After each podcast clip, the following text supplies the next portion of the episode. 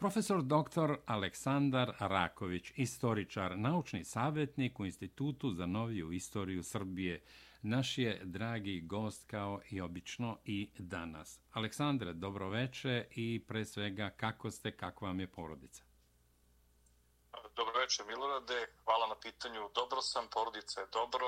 Kako ste vi, kako je vaša porodica? Svi smo dobro, hvala Bogu, sunčano i lepo vreme u Čikagu i okolini i eto, tu smo osunčani i pod vedrim nebom. Sve ostalo, kada su u pitanju Sjedinjene američke države, malo, moram da vam kažem, klimavo, ali dobro, o tom neki drugi put.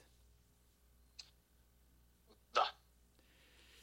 Idemo na posao. Aleksandre, Crna Gora, Vlada Crne Gore je u prošli petak, vlada Crne Gore, čiji je premijer Dritan Abazović, usvojila temeljni ugovor sa Srpskom pravoslavnom crkvom i saopštila da je u skladu sa Ustavom Crne Gore i zakonima Crne Gore. Datum potpisivanja saopštila je vlada Dritana Abazovića, bit će naknadno utvrđen. Naravno, nakon usvajanja temeljnog ugovora sa Srpskom pravoslavnom crkvom, predsjedništvo Demokratske partije socijalista Milo Đuka, Mila Đukanovića donelo je odluku da uskrati podršku vladi Dritana Bazovića i sateliti Socijaldemokratska partija Rastka, odnosno Raška Konjevića, također je najavila uskraćivanje podrške vladi Dritana Abazovića, pa molim vas za komentar. Dritan Abazović je održao reč koju je dao patrijarhu Porfiriju da neće biti prepreka s njegove strane da se temeljni ugovor usvoji i, i da ga vlada prihvati. Održao je svoju reč, dakle, za razliku od Zdravka Krivokapića, Abazović se pokazao kao čovek od reči do ovog momenta, naravno.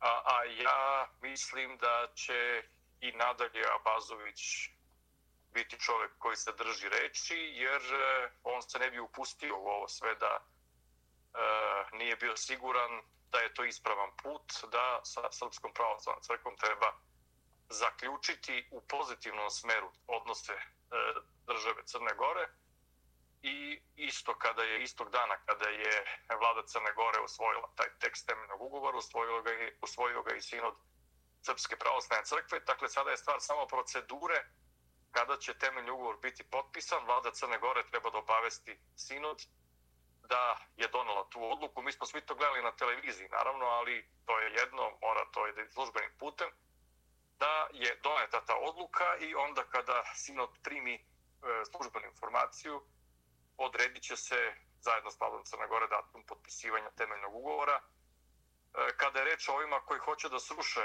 tu mogućnost potpisivanja, to je sada skoro nemoguće, s obzirom da ove, pre svega nemaju većinu u Skupštini, govorimo o DPS-u i satelitima DPS-a, tako da oni ne mogu da, da sruše vlast Crne Gore Abazovićevu, jer e, Demokratski front će oko temeljnog ugovora sigurno podržati Abazovića, a mislim da ni Bečićeve demokrate neće smeti da idu protiv Srpske pravoslavne crkve i pokušaju da spreče potpisivanje temeljnog ugovora tako što bi ove, srušili Abazovićevu vladu. Tako da, E, mislim da smo udaljeni vrlo malo od potpisivanja temeljnog ugovora i da samo strpljivo treba to da sačekamo. A profesore Rakoviću, Milo Đukanović, ne znam kako da ga okarakterišem, ne ja lično, nego pišu o njemu posebno prosrpski portali, nelegalni, legalni predsjednik i tako dalje, ali evo, predsjednik Crne Gore je već na vlasti preko 30 godina, 32 godine. A, kaže sledeće, to se može zaključiti iz onog što on izjavljuje, da ga je Dritan Abazović prevario i da je saopštio da neće glasati da se neće na vladi glasati o temeljnom ugovoru sa Srpskom pravoslavnom crkvom. Naravno, kao i obično, on je tu izvrdao i rekao da je Dritana Bazović obećao partijama koje su u aktuelnom vladinom aranžmanu ili su deo vlasti, koja podržava vladu Dritana Abazovića, da su dobile uveravanje da se na prošloj sednici vlade, dakle u petak, neće glasati o temeljnom ugovoru sa Srpskom pravoslavnom crkvom. To ne znam, dakle to sam pročitao u medijima, ali Milo Đukanović nije čovek kome se može verovati. U svakom slučaju e, šta god da su se oni privatno dogovarali, to nema nikakve veze jer privatan dogovor je jedno kao i koalicijani sporazum, a poslovnik o radu vlade i, e, i vladine namere su potpuno drugo. Dakle, govorimo o poslovniku prema kom izglasana ova odluka, da je to pravni akt i da je znači izglasavanja temeljnog ugovora i legalan i legitiman. E, akt e, vlade Crne Gore, a ovaj Đukanović, ako je to istina što govori, može samo da zaključi da ga je Abazović nasamario, što ja ne vidim kao neki problem u ovom slučaju, zbog toga što je, ako je to istina kažem, zbog toga što je Đukanović razbijao našu zajedničku državu, hteo da razbije Srpsku pravoslavnu crkvu i srpski identitet Crne Gore i E, sa njim kada se ulazi u komunikaciju, čovek treba da bude spreman da bude vešti u politici od Đukanovića, pa evo Abazović se pokazao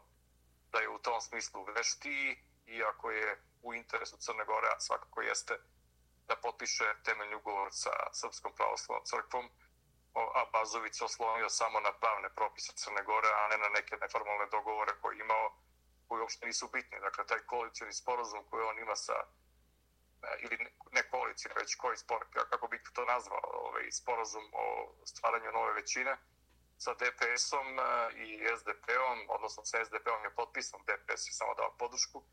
Sad može da se baci, imaju dva načina kako da se taj sporazum ovaj, e, i kako prema njemu treba da se odnose, a to je jedan način da ga pocepaju i bace u korpus otpadke, a drugi je da ga zgužuju i bace u korpus otpadke, jer se time gotovo. Da, dakle, taj, da. taj sporazum više ne postoji. Ono što je najvažnije je da je usvojen tekst temeljnog ugovora i idemo dalje prema njegovom potpisivanju.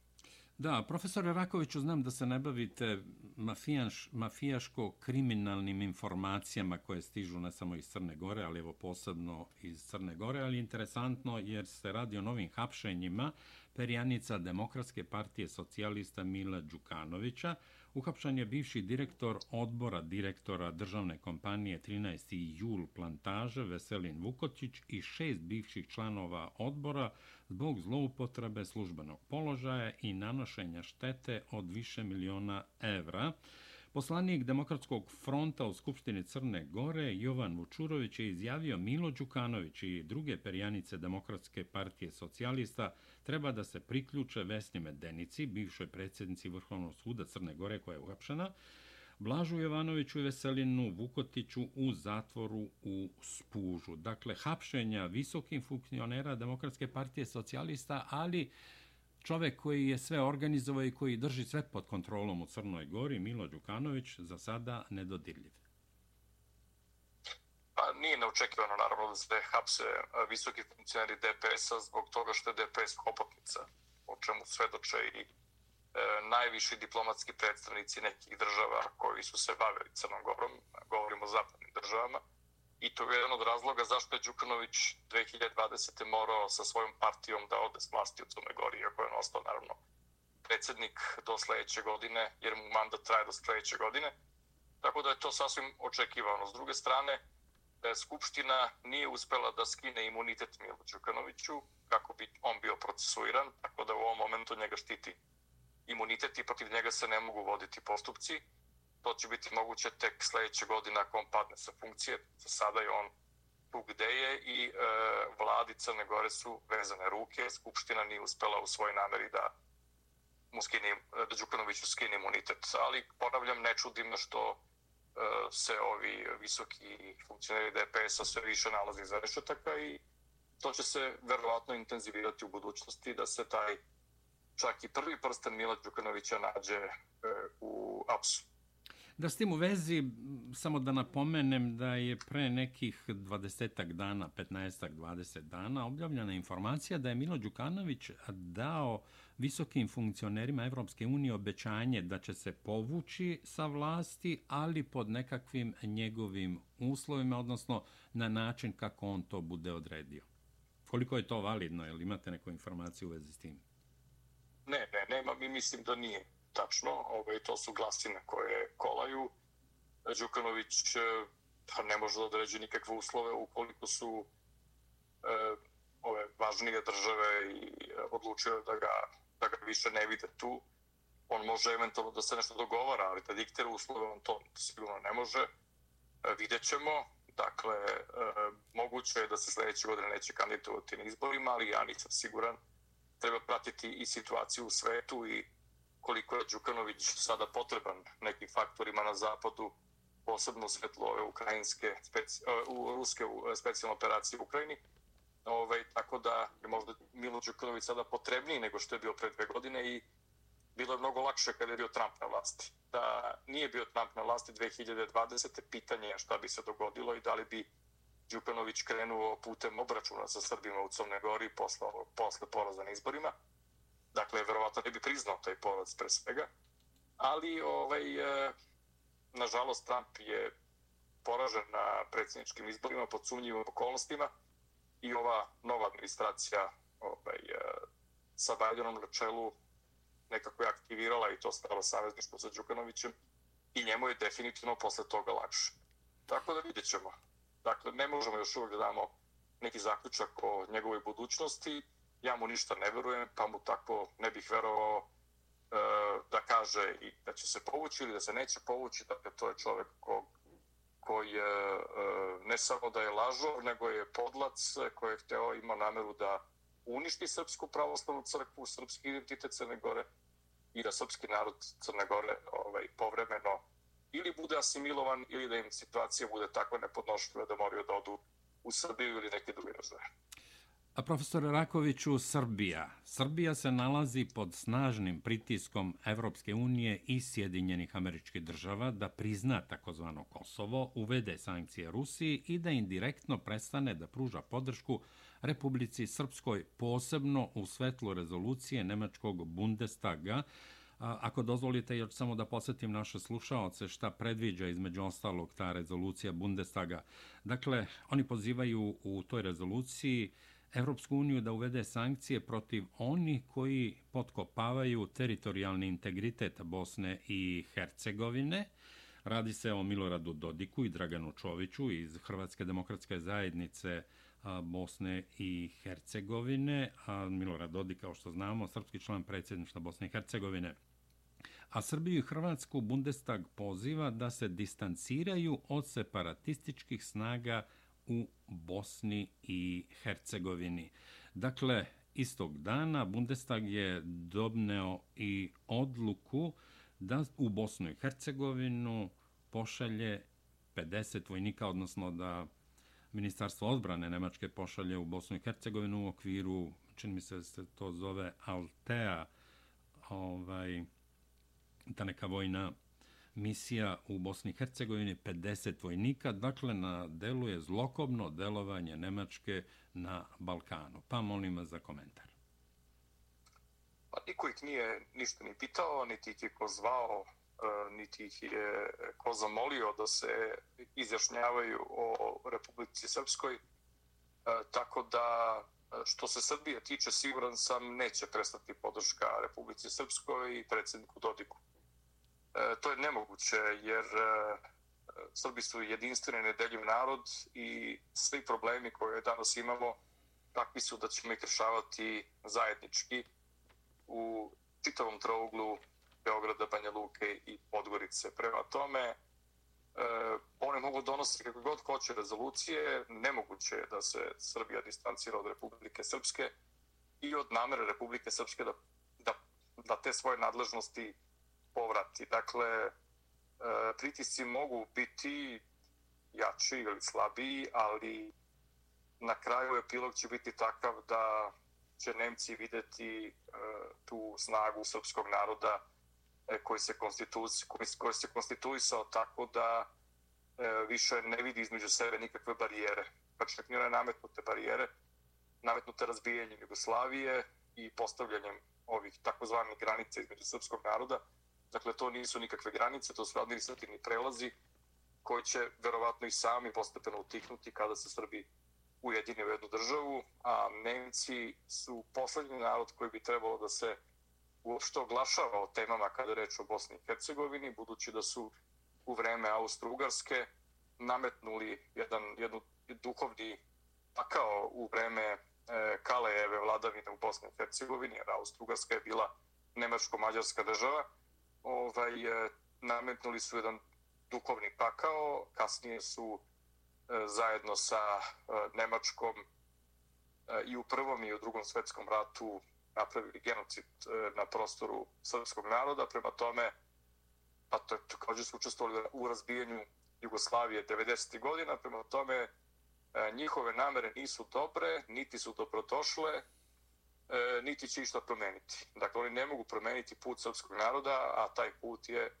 oslobođenje i ujedinjenje, jer e, u poslednjih nekoliko godina, to je nepodošljivo i Nemcima, ali vidimo i Amerikancima, oni su vidjeli novi uspon srpske nacionalne ideje i zbog toga ne mogu da podnesu kako je činjenicu E, da nisu uspeli da zgaze srpski narod, a to im je bila namera. Profesore Rakoviću, nešto što je interesantno, čini mi se, u protekla dva dana su izjave ministra unutrašnjih poslova i lidera pokreta socijalista Aleksandra Vulina u vezi sa srpskim svetom i ujedinjenjem Srba na prostorima na kojima žive. Naravno, čini mi se da je to, bar od vas sam to prvi put čuo, da očekujete u budućnosti ujedinjenje Srbije, Republike Srpske i Crne Gore. Naime, podpredsednica vlade Srbije Zorana Mihajlović je kritikovala Aleksandra Vulina zbog te izjave, dakle izjave o ujedinjenju Srba i stvaranju srpskog sveta. On je saopštio da je stvaranje srpskog sveta u odgovoru Zorani Mihajlović i ujedinjenje Srba njegov zvaničan stav i njegove partije da to nije zvaničan stav vlade Srbije, ali da je stvaranje srpskog sveta deo programa njegove partije, odnosno stranke koju predvodi i vrlo je bio decidan. Stvaranje srpskog sveta je moj stav i zato mi nije potreban stav ambasada u Beogradu. Kako vi to tumačite? Pa, drago mi je, e, jer ja sam na tome e, počeo da radim još 2009. godine. I prvi put kad sam sa predsjednikom Dodikom razgovarao u, u Banja Luci, to je bilo 2009. godine, bio i Bogoljub Šijaković, sadašnji ministar Vera, to je bio taj naš neki susret, sastanak. E, ja sam radio u kabinetu ministra Šijakovića i išli smo u posetu kod predsjednika Dodika i predložio sam mu, pazite, to je tri godine posle secesije Crne Gore i godinu dana posle jednostrane secesije takozvanog Kosova. Ja sam tada Dodiku rekao, predsjedniče, kad ćemo da se ujedinjujemo, a on mi je sutradan, ne isto već, odgovorio, evo prvo da e, krenemo ovim putem razdruživanja u Bosni i Hercegovini, pa ćemo se ujediniti. E, jer Bosna i Hercegovina je nemoguća država i ona ne može da postoji i sasvim je logično da se ona razdruži po češko-slovačkom modelu. Dakle, e, 2013. Sam o tome počeo javno da pišem i da govorim, prvo u štampi, na televiziji, posle da objavljujem to u svojim knjigama e, od 2015. godine i drago mi je što su i posle toga i moje kolege neke počele da prihvataju to da je srpsko ujedinjenje budućnost srpskog naroda, a kasnije, što je vrlo važno, dakle, kada mi govorimo između sebe, da kažemo naučnici, i E, istoričari, druga akademska zajednica, o srpskom ujedinjenju to je jedna stvar, to je neka akademska priča koja može da bude na neki način kad se proširi kafanska priča i sve ostalo, ali sve to nije dovoljno, važno je da državne strukture to prihvate. I s tim u vezi drago mi je što je Vulin to prihvatio i što sam E, video i svi smo to videli, vi sigurno u posljednjih nekoliko godina snažan uspon te srpske ujediniteljske ideje. Prvo preko Litije u Crnoj Gori, pa onda e, ovim e, danom srpskog jedinstva u Beogradu 15. septembra prošle godine i također danom Republike Srpske 9. januara ove godine koji je izazvao takvu turbulenciju. Dakle, ta tri događaja pokazala su da su Srbi zaista krenuli putem oslobođenju i ujedinjenju i da se samo treba e, između nas Srba, naravno ima različitih mišljenja kako to treba učiniti i na koje načine, ali je ta ideja sada ušla u glavni tok. Kada sam počeo o tome da govorim u javnosti, ja sam bio bukvalno sam. 2013. sam bio sam, niko o tome nije govorio e, učestvovao sam na nekim malim televizijama, ovim internet web televizijama. Međutim, e, te internet e, web televizije, ta gledanost njihova bila je takva da su moje nastupe počeli da prate 100.000 gledalaca, 200.000 gledalaca, neverovatne neke.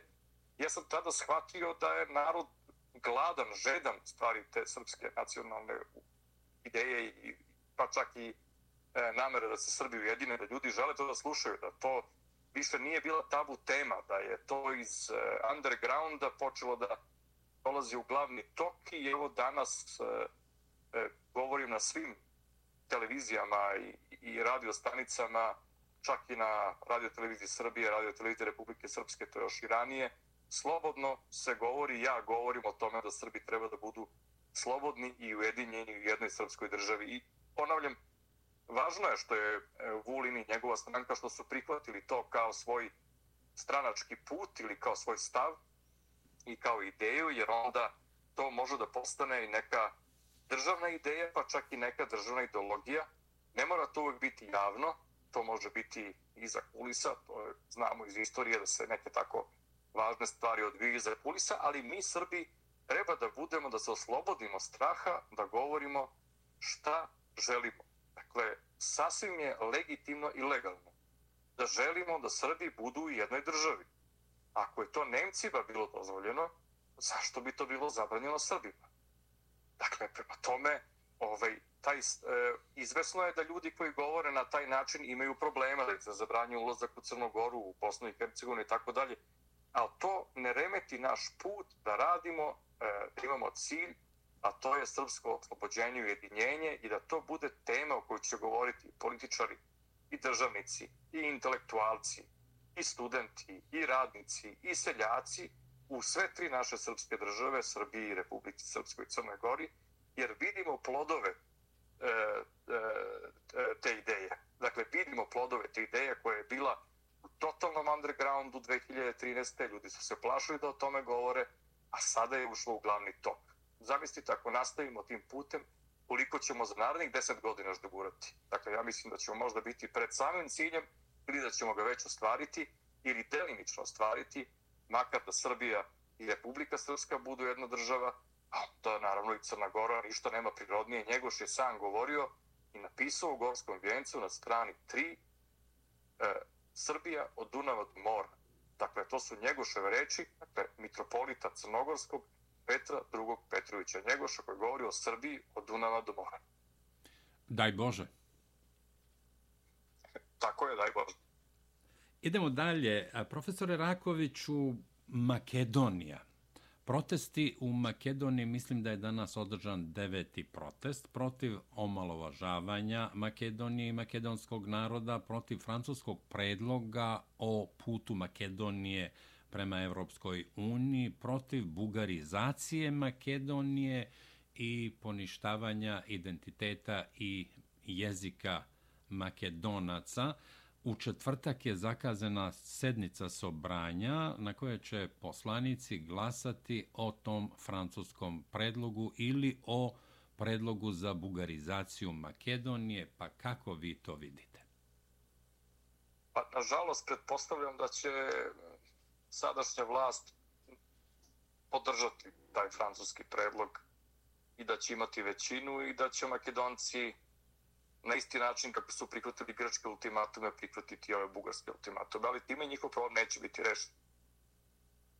dakle, Makedonci su od 1991. godine prihvatali sve što im se e, naređivalo sa zapada i e, sve manje i manje su ličili na e, ozbiljan državni organizam, već su gubili deo po deo identiteta i deo po deo osnova sobstvene državnosti koju su stvorili u okviru Jugoslovenske države. Dakle, e, oni su primjer da ne treba prihvatati te ultimatume, jer e, što više prihvataju, to će im oni više biti uspostavljeni. E, I ako se to desi, dakle, ako Makedonci, makedonska država prihvati, makedonska vlast, taj, tako da kaže, prihvati ovaj ultimatum Bugara, što neće biti posebno teško, znate ima, koliko ima albanaca u parlamentu, dakle, dovoljno je mali broj makedonskih poslanika da se to prihvati E, to neće opet rešiti nikakve probleme u Makedoniji, niti će približiti Makedonce Bugarima, već e, će naprotiv i dalje približavati Makedonce Srbima. S obzirom da Makedonci Srbe smatraju najbližim narodom, bez obzira na slični jezik koji imaju s Bugarima, oni su kulturološki i civilizacijski vezani za Srbe. Tako da e, Bugari tim ultimatumom i ucenom neće dobiti ništa, osim da neko kome je stavljen prst na obarač, stavljena cena e, sa prstom na obaraču na čelo e, ili na potiljak, mora pod ucenom to da prihvati, ali ovaj, e, to će dalje dovesti do, do otopljavanja i približavanja Makedonaca prema Srbima. E, Makedonci će doći verovatno u situaciju u nekom vremenskom okviru koji nije dalek, da također razmišljaju o povratku u zajedničku državu sa Srbijom. Dakle, kada govorimo o Srbiji, Republici Srpskoj i Crnoj Gori, mi govorimo o tri srpske države. A kada govorimo o Makedoncima, oni su nama najbliži narod i prirodno je da i oni budu tu negde u nekoj asimetričnoj federaciji sa nama. Jer oni su dobronameran svet i e, oni naviju za srpske klubove, dobri ljudi, muziku, zaista, tako je, dobri ljudi, jedan zaista, dobar, blagorodan narod. Apsolutno. I potpuno drugačije od ovih crnogorskih separatista. Dakle, ljudi se plaše, naši građani se posebno kod crkvenog pitanja se plaše tih analogija, znate, između Makedonije i Crne Gora. To je potpuno drugačija situacija. Prema Makedoncima treba imati stav otopljavanja, prigrljivanja, jer oni će reagovati na pružanje ruke i na zagad Pozitivno u Crnoj Gori bi na isti takav odnos e, pokušaja prigredivanja i zagrljaja odgovorili tako što bi mislili da je to slabost Srbije i srpskog naroda. Znači, to je mentalitetska e, različitost ta dva podneblja. Stoga je moj stav i ja se toga držim prema tim crnogorskim separatistima treba uvek do kraja zaoštravati i nikako im ne popuštati. I traži, i u stvari prisiliti ih na to da oni mole Srbiju i srpski narod za ustupke. E, naravno, sad sam se malo prebacio na Crnu Goru i te paralele, pa se vraćam na Makedoniju. Dakle, posle rešavanja ovog crkvenog spora koji smo imali sa Makedoncima, mi zaista sa njima sada možemo da razgovaramo na još bolje načine nego što je to bilo ranije, jer više nema ni te teme koje opterećivo odnose srpskog i makedonskog naroda. Dakle, sada je to sve stišano i e, stiču se, stiču se i dodatni uslovi za to dalje približavanje srpskog i makedonskog naroda koje će, ja se nadam, voditi ka tome da i makedonci u nekom momentu u budućnosti budu sa nama, kada im konačno bude neprihvatljiv i nepodnošljiv taj pritisak od imi i od Grka i od Bugari i od Albanaca. Jedino taj pritisak ne od nas Srba, koji smo u zajedničkoj državi formirani zajedno sa njima i E, na jedan način koji u stvari naš čini toliko bliskim. To je veoma važno. Ovaj, e, Makedonci su, moram da priznam, prošli put kad smo razgovarali o toj temi, e, čini mi se da je kad smo poslednji put nas dvojica razgovarali, tako je, tako je. bila tema crkva. E, e, dakle, I dobijanje autokefalnosti od strane majke crkve jeste, Srpske pravoslavne crkve ja za makedonsku crkvu. Ja sam bio siguran da će oni da podlegnu ultimatumu Carigradskog patrijarha i da će predati svoju dijasporu Carigradskoj patrijarši. Međutim, to se nije dogodilo. Dakle, Makedonci su šest, godina, šest dana boravili u Carigradu uz zvaničnoj posti e, Carigradskoj patrijaršiji i Carigradskom patrijarhu. I e, šest dana su ih e, Grci lomili da prihvate njihove uslove, međutim, Makedonci to nisu prihvatili. Nisu prihvatili da se odreknu srpskog tomosa autokefalnosti. Nisu prihvatili da e, predaju svoju dijasporu Carigradskoj patrijarši i to komisijskim putem, nisu prihvatili da E, granice e, svoje crkve svedu samo na Severnu Makedoniju i nisu prihvatili da predaju pravo Stavropigije nad nekim manastirima ili makar jednim manastirom, onim Vigorskim manastirom i njegovim etosima, nisu to pristali da predaju Carigradskoj patrijaršiji. Dakle, E, to su sve bili uslovi slični onom crk ukrajinskom crkvenom pitanju i rešavanju tog crkvenog pitanja u Ukrajini kako ga je Carigrad rešavao, a kako je Carigrad rešavao, bolje da ga nikad nije rešavao. Jer vidimo sad šta se dešava u Ukrajini i kako je Carigrad rešavao to pitanje zajedno sa Zapadom.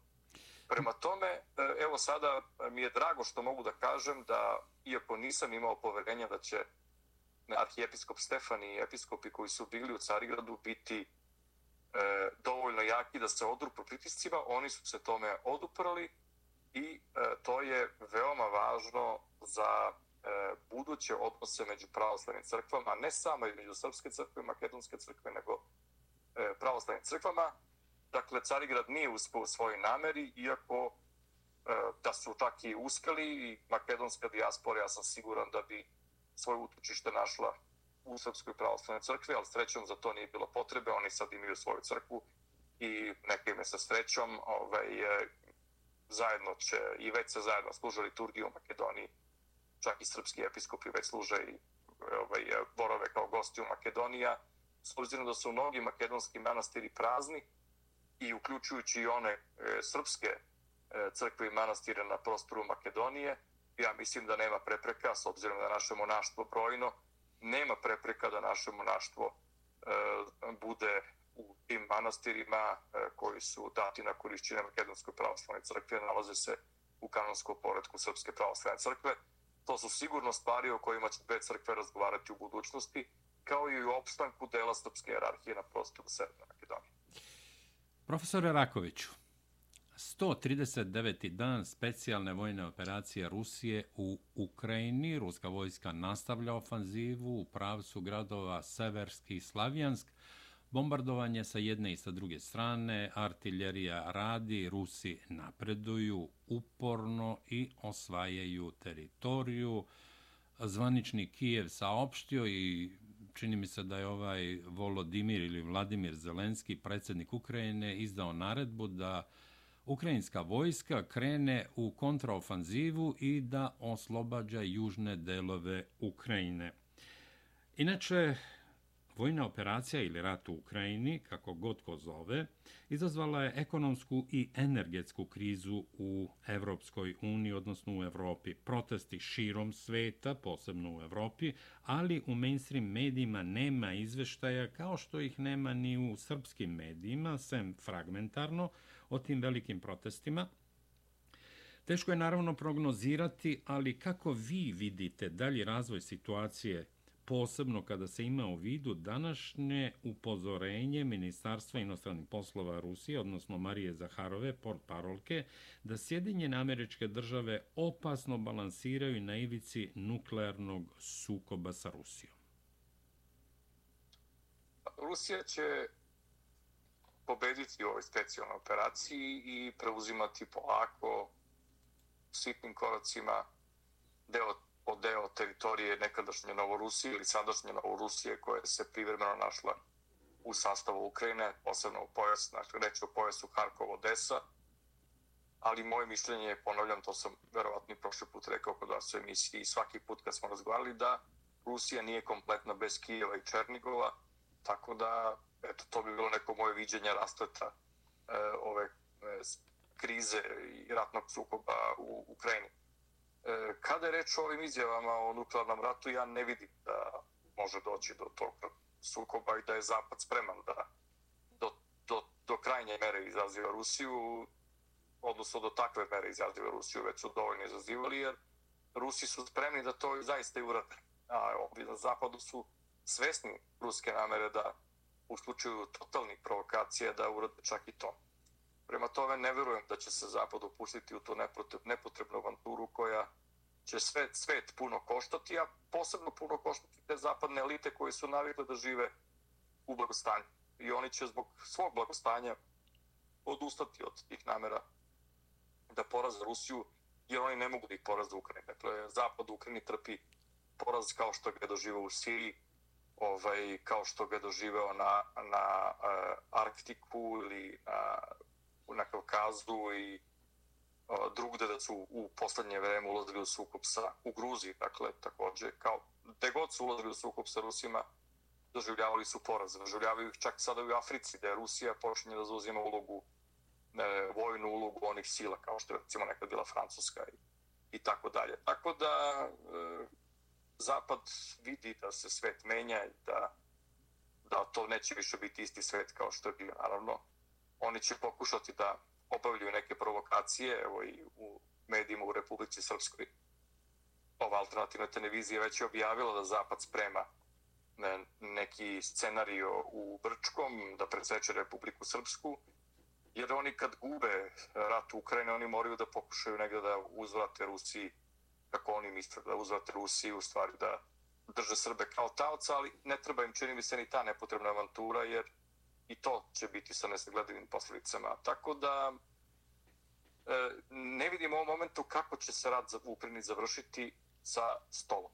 Dakle, vidim vojnu pobedu, to je moje mišljenje, dakle, to je samo moje viđenje, naravno, vidim tu vojnu pobedu Rusije, ali ne znam kako će se to na zelenom stolu Eh, onda potpisati i verifikovati. Dakle, ne znam kako, kako bi to, ko bi to učinio, eh, ko bi garant, ko bi bili garanti, dakle, to sve ne vidim. Dakle, ako bi Zelenski to pokušao da uradi, on bi, pretpostavljam, bio smaknut za vrlo kratko vreme, e, a ne vidim ni garante tog sporazuma ko bi to moglo da bude, da li mi neke sile zapadne ili ujedinjene nacije ili isto, dakle, kao da je neki čorsokak u tom diplomatskom smislu, u vojnom nije, jer će tu Rusija svakako pobediti.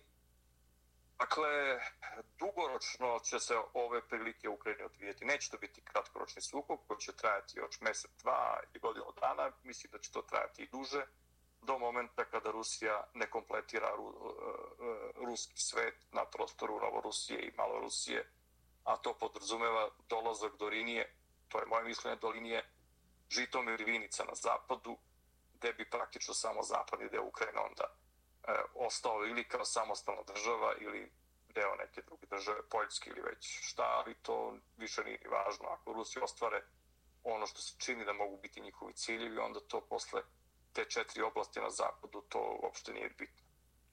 Profesora Rakoviću, ja imam naravno još jedno pitanje za vas. Ono se odnosi na Evropu, Evropsku uniju, ali pre toga bih molio da, da pojasnite evo i meni, ali i našim slušalcima, a, jedan termin koji ste upotrebili, meni vrlo interesantan. A, pre neki dan ste gostovali na jednoj od a, televizija u Beogradu, pa ste pomenuli svetu osvetu.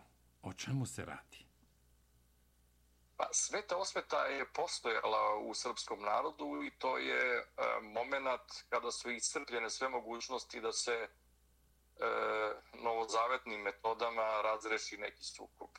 Dakle, e, onda se prelazi na starozavetne metode. To je u jevrijskom narodu također poznato kao i drugdje na prostoru Mediterana. E, sveta osveta je recimo bio onaj slučaj atentata na Pavelića u Argentini. Dakle, to je bila klasična sveta osveta. Da. O njoj je pisao i Jovan Cvić. Dakle, e, to je kada neko sa... E, u, u, jer, sve, jer također i starozavetna pravda je hrišćanska pravda. Nije samo novozavetna pravda hrišćanska pravda. Novozavetna pravda se primenjuje dok je to moguće. Kada više nije moguće, onda je reč o, o starozavetnoj pravdi koju uključuje i tu svetu osvetu za e, obračunu sa nekim koji je nanosio nesagledive e, štete e, interesima naroda koji primenjuje svetu osvetu. Dakle, to je, ponavljam, ima kod cvića u Balkanskom polostrovu i tu gde sam nalazio. Dakle, to je nešto što je arhetipski e, karakteristično za prostore Evrope, posebno Južne Evrope, ali i uopšte ima, javlja se i kod jevreja i javlja se u, kod, kod drugih hrišćana, posebno se javljalo nekad, sad je to ređe, ali ovo što sada Rusija radi, po meni, po meni, s obzirom na, na to kako se prilike odvijaju, posjeća na to da je reč o svetoj osveti, e, za ono što se događalo 2014. godine u Harkovu, Odeci, Donbasu i drugde i da e, kada krene ta sveta osveta ili zadovoljavanje starozavetne pravde, E, to nestaje dok se to ne završi. Dakle, s tim u vezi mislim da, da to neće stati do linije Žitomir Vinica i da Rusi jednostavno da će to završiti do kraja. I da je to njihova, to sam i rekao u toj emisiji, kad sam, kad sam video one događaje u Odesi 2014. Znao sam da će doći do svete osvete i evo, stigla je ta sveta osveta. Ja sam inače o tome pisao i kada je bila ona velika polemika oko atentata na Pavelića i e, imenovanja ovih ulica u Beogradu po Blagoju Jovoviću i već sad ne mogu svetim da li bilo samo, samo o njemu reč ili nekim drugim atentatorima, ovaj, pa sam polemisao preko štampe sa drugima. Na svetu osvetu niko od stručnjaka nije mogao da odgovori e, s kojima sam polemisao, zato što se zna da ona postoji, ona se primenjuje, dakle, posebno na dinarskom prostoru srpskog naroda, i to je nešto što je arhetipski, ponavljam, stvari u, u e, biti srpskog naroda i takođe je deo e, obračuna e, hrišćana kada se nalaze u situaciji, kada ne može više na bilo koji drugi način da se zadovolji pravda. Dakle, sve je iscrpljeno. Iscrpljena je mogućnost novozavetne pravde, iscrpljena je mogućnost da bilo kakav sud donese odluku, da policijski organi donesu odluku i onda se stvar uzima u svoje ruke a to je na ovaj način kao što je Blagoje Jovović to radi. Profesore Raković, evo, rekao bi da smo pri kraju našeg razgovora, ali bih vas molio da prokomentarišete harlekine, kako ih ja zovem, ili političke kepece koji vode ozbiljne države u Evropi. Naravno, pre svega mislim na odlazak premijera Velike Britanije Borisa Johnsona, koloritne ličnosti, neuspešne kopije Winstona Churchilla, preuzimanje Britanije od bivših kolonija jer su mnogi ministri i funkcioneri u Velikoj Britaniji poreklom Hindusi, Pakistanci, Arapi, sam Boris Johnson je poreklom Turčin. Imamo Olafa Scholza, političkog kepeca, droga za silovanje, nevidljivi, Rajh, skandalozna večerinka nemačke vladajuće partije Olafa Šolca sa hiljad učesnika, mlade, lepe žene kojima je davana ta droga za silovanje. Imamo Emanuela Macrona, predsjednika Francuske i najnoviju aferu sa Uberom. Pa, izvolite. Oni su.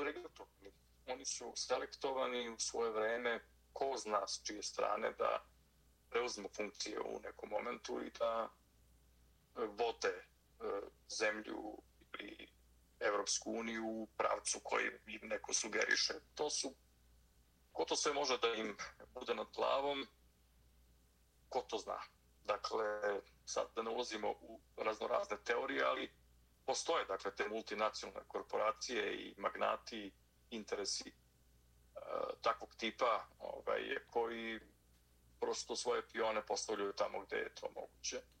Postoje čak i tajne udruženja, naravno, neki, se, neki moji kolegi se vrlo ozbiljno bave tim pitanjima tajnih udruženja koja, koja dovode svoje pione na ta mesta. E, I oni postaju zapravo samo njihove marionete, ovaj, pa evo tako i ti ljudi koji da nisu tu na tim mestima ne bi ništa mogli da budu. Ne bi bili ništa, ne bi bili bi krajnje neostvareni, pitanje kako bi zarađivali za hleb, da ostvare e, stabilnost svoj porodici i tako dalje. E, prema tome, neki koji su svesni tih svojih, tih svojih e, mana i e, nedovoljnog formata, upravo kako ste vi to malo pre rekli, oni moraju da idu, kako, igraju kako im se kaže i naredi i zbog toga evo, imamo niz tih skandala ovaj, i sa Šolcom i sa Borisom Johnsonom i još ko zna koliko ih ima da nismo možda dovoljno ispatili, a tek će ih biti. I vi ste dobro pomenuli da mediji ne prate ove proteste koje se dešavaju recimo u Holandiji, e, gde su ozbiljni protesti, da je čak i policija pucala u vazduh i e, pozoravala poljoprivrednike da ne protestuju. E, tako da e, ono što je pod kontrolom sada E, raznoraznih medijskih struktura, vremenom će verovatno pod teretom tih e, protesta e, neće više moći da se kontroliše. S tim što neće ti protesti na zapadu, koji će biti sve više, biti nacionalni protesti. Nisu to protesti kao na istoku Evrope, oko nekih nacionalnih pitanja, etničkih pitanja, verskih pitanja. To će biti socijalna pobuna. Jer na zapadu su ljudi već e, u zapadnoj Evropi dovoljno denacionalizovani da im etnički identiteti ne znače mnogo. To je posljedica e, hladnog rata i tako politike koja se vodila u zemljama Europske zajednice, posebno u Nemačkoj. Ali i drugde. Tako da tamo kad dođe do, do e, tih e, pobuna, one će biti svesno socijalnog tipa, ali to ne znači da će biti da će manje potresati ta društva nego što uh, dakle to ne znači da će manje potresati ta društva. I ostaje da vidimo gdje će se te sve dešavati i kakve će sve koje vlade padati. Dakle, jesen je pred nama, nema još puno vremena do jeseni, do februara, pardon, do, to su još dva mjeseca do e, septembra.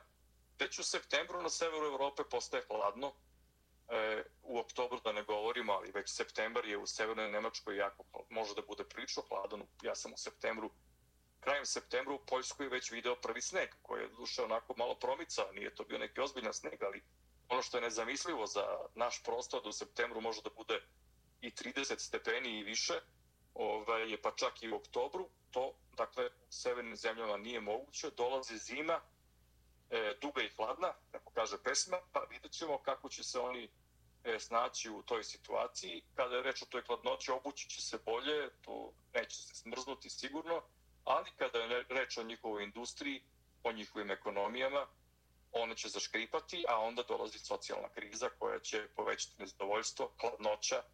Oni nisu sigurno navikli da sedu u džemperima i u unim čarapama po kućama, ali to ih izvesno čeka. Ovaj, tako da E, to će svakako biti interesantno da se posmatra.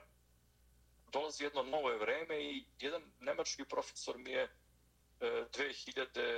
2013. ako se ne veram sad, ja ne mogu da setim kad sam mislim da je 2013. kad sam bio na skupu Opus Dei ili 2014. Ovaj, koji su oni organizovali u Freisingu, e, kao, ja sam kao ekspert za verska pitanja bio iz Srbije, ovaj, jedan nemački profesor mi je rekao, vi ste mladi, vidjet ćete jednu Europu sasvim drugačiju, ja sam u godinama, ja tu Europu neću videti, ali ta Europa koja dolazi neće biti ni nalik ove Europi kako, je, kako mi je sada. sada.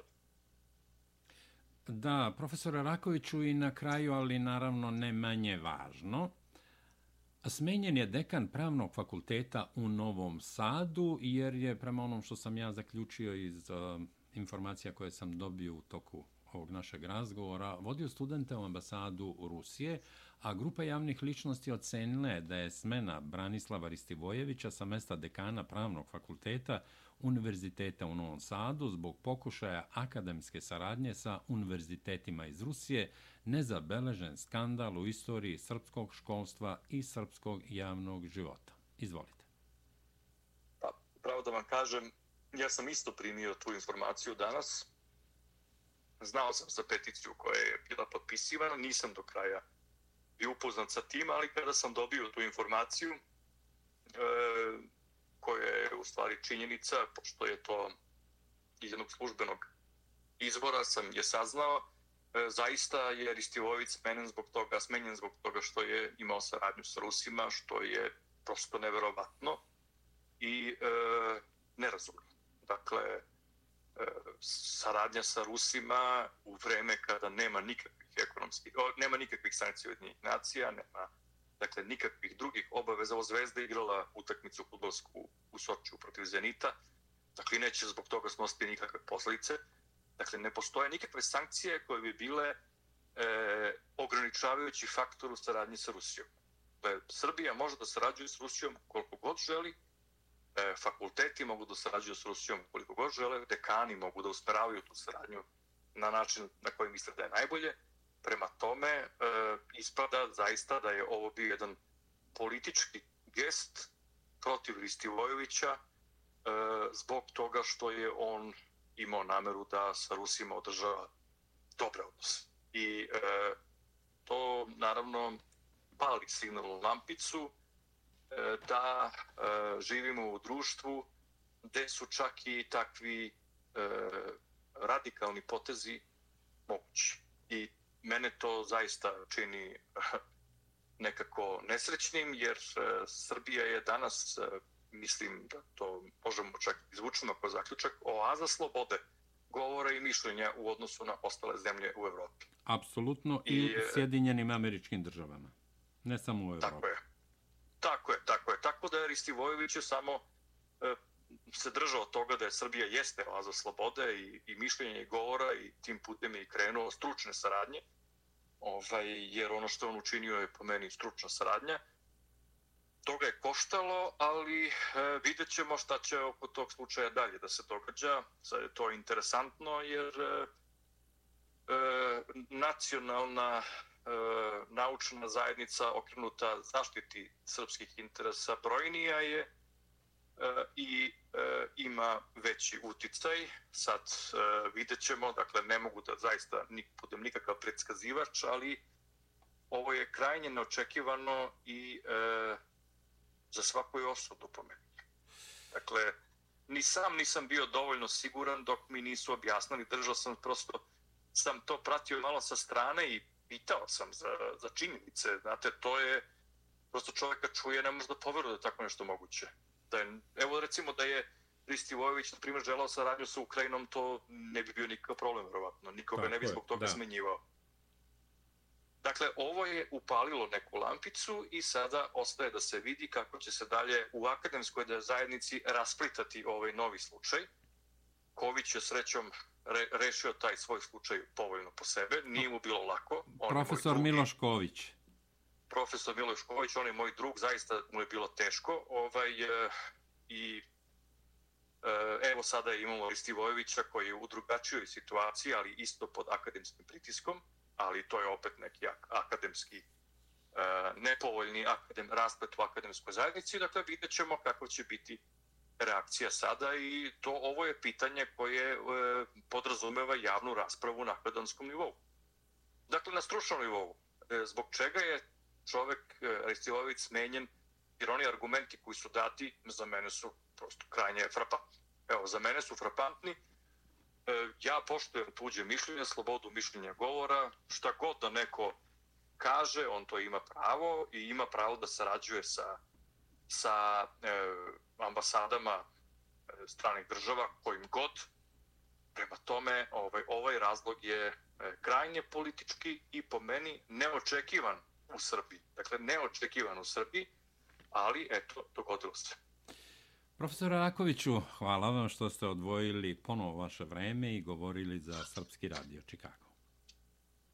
E, hvala i vama, sa najvećim zadovoljstvom ćemo se ponovo i ovaj za neko kratko vreme bit će nam mnoge stvari još jasnije. Hvala vam, naravno, čućemo se ponovo. Poštovani slušaoci, poštovani pratioci našeg YouTube kanala, Naš današnji gost bio je profesor dr. Aleksandar Raković, istoričar, naučni savjetnik u Institutu za noviju istoriju Srbije.